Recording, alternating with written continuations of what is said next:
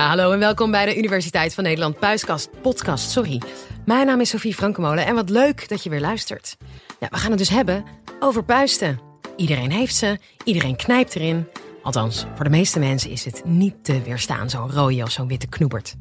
Nou, in dit college legt dermatoloog Elodie Mendels van het Erasmus MC uit waarom je er toch beter vanaf kan blijven.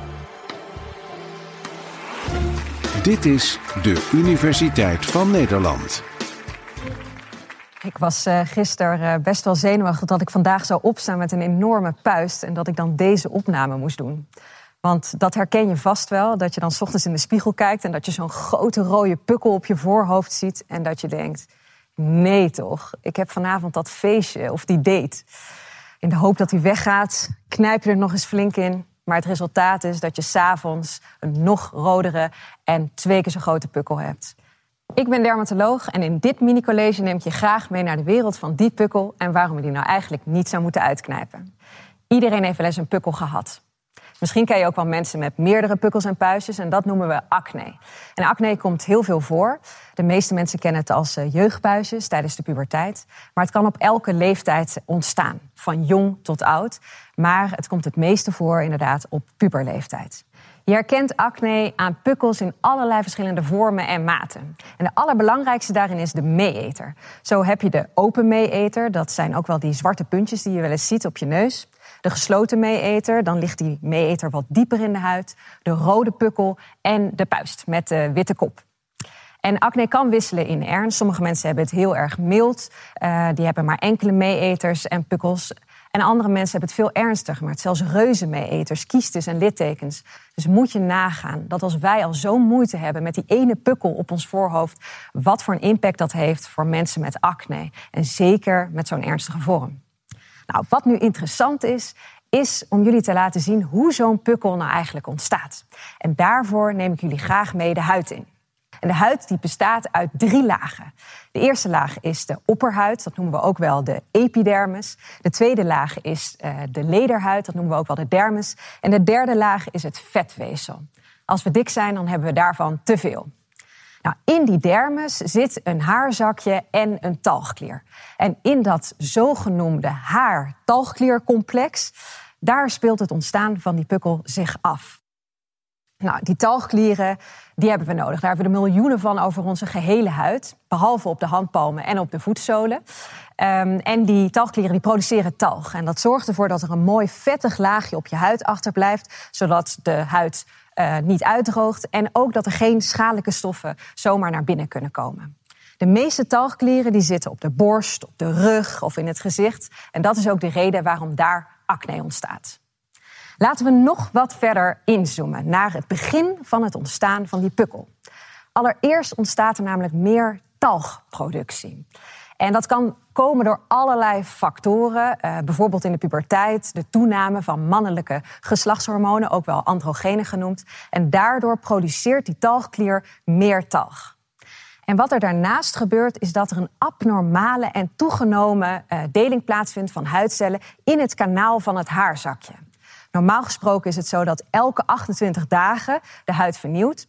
En die dode of oude huidcellen die verlaten de huid als schilfers. Dat noemen we ook wel verhoorning. En bij acne is die verhoorning eigenlijk te veel. En sinds kort weten we dat dat waarschijnlijk komt door de stamcellen. En je moet het een beetje zo zien dat die stamcellen een soort opperhoofdcellen zijn. En die opperhoofdcellen die zorgen voor het bestaan en het goed functioneren van die talgklier en het haarzakje. Nou, en wat er bij acne gebeurt is dat die, die stamcellen, ofwel die opperhoofdcellen, een beetje in war zijn. En zodoende wordt de talgklier kleiner en komt er meer verhoorning. Nou, die dode huidcellen die plakken dan allemaal aan elkaar. En met die hoeveelheid talg ontstaat er een prop en zo een blokkade in de pori. En voilà, daar heb je de meeeter. En als die meeeter, ofwel die prop, wat dieper in de huid ligt, dan zie je een wit puntje. En als die oppervlakkiger ligt, dus open staat aan de lucht, dan zie je door oxidatie een zwart puntje. Wat nu nog interessanter is, is dat op dit moment het microbioom om de hoek komt kijken. En het microbioom, dat is onze dierentuin van de huid. Op onze huid leven namelijk miljoenen gisten, schimmels, bacteriën. Klinkt misschien een beetje vies, maar ze zijn er om jouw huid in balans en gezond te houden. Nou, wat er nu gebeurt, is dat waarschijnlijk is het uit balans raken van dat microbioom heeft dat invloed op het ontstaan van acne. En er is één hele beroemde bacterie uit zo'n microbioom en dat heet de Cutibacterium acne. En die vindt het wel lekker om zo in die pori te springen en in die prut te gaan zitten. Nou, door die eigen huidbacteriën en doordat de druk in de wand een beetje te groot wordt door die prop en de wand uiteindelijk breekt, krijgt het afweersysteem een seintje. En die stuurt soldaten in de vorm van uh, witte bloedcellen naar die meeeter toe en zorgt daar voor een ontsteking. En dat zie jij als rode pukkel. Nou, vervolgens, als er maar genoeg van die witte bloedcellen naartoe worden gestuurd, zeker van een specifieke soort, ook wel neutrofielen genoemd, dan ontstaat uiteindelijk de puist met de witte kop. Vervolgens ruimt het lichaam die pukkel vanzelf op. Soms met nalaten van een uh, littekentje, maar lang niet bij iedereen ontstaan er littekens. Waarom de een nu wel acne krijgt en de ander niet, daar is de wetenschap nog niet helemaal over uit. Niet alleen het uit balans raken van dat microbioom uh, of de hormonen, maar ook genen spelen een rol. Zo weten we dat acne vaker voorkomt in uh, families en ook vaker voorkomt bij zeldzame genetische afwijkingen. En daar wordt op dit moment heel veel onderzoek naar gedaan. Maar er zijn ook andere factoren, zoals leefstijl of uh, medicijnen. Of het insmeren van je huid met een vette laag zalf. Um, of een dikke laag make-up. En die dikke laag die gaat dan weer in je poriën zitten. En dat kan weer acne geven en ook acne verergeren. Een andere factor zou kunnen zijn je dieet. Misschien heb je wel eens gehoord dat mensen zeggen: ja, altijd als ik chocola eet, krijg ik een pukkel. Nou, een directe relatie tussen chocola, um, melkproducten, varkensvlees en het ontstaan van um, acne, dat is nooit bewezen. Maar wat we wel weten is dat er um, mensen zijn die heel veel snelle suikers eten en koolhydraten. Dat zijn mensen met wat wij noemen een hoge glycemische index. En die mensen die hebben vaker acne. En ook vaker een ernstiger acne. En er zijn zelfs aanwijzingen dat als je die suikers dan links laat liggen, dat de acne kan verminderen. Als je af en toe een paar pukkels hebt, dan hoef je natuurlijk niet naar de dokter. Maar als je last hebt van acne en zeker als je littekentjes ziet, dan zou ik je adviseren om naar de huisarts te gaan of naar een dermatoloog. Want er zijn zeker dingen die we er tegen kunnen doen. Zo zijn er uh, lotions of tabletten die de ontsteking remmen of als het ware de talgklier platleggen. Bij sommige vrouwen eh, helpt het om de anticonceptiepil te slikken. En ook aan littekentjes kunnen we wat, uh, wat doen. Alleen hoe eerder je acne behandelt, hoe beter. Er zijn ook dingen die je vooral niet moet doen. Zo vind je op internet de meest vreemde tips wat je allemaal op je huid moet smeren als je acne hebt. Van tandpasta tot knoflookzalf.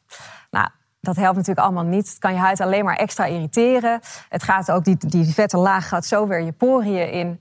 Die doen dus je huid met alleen water wassen is prima.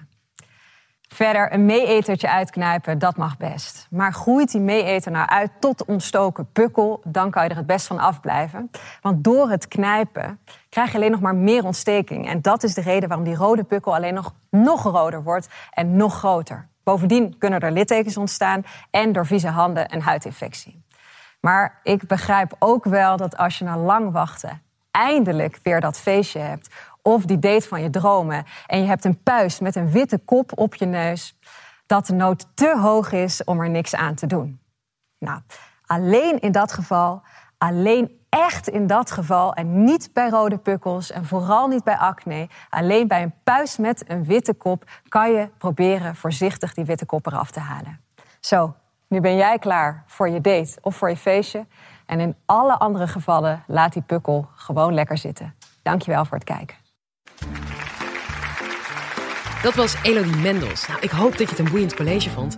En ken jij of ben jij nou ook een wetenschapper die je hier graag een keer zou horen? Tip ons dan en stuur een mail naar podcast.universiteitvannederland.nl. Tot de volgende!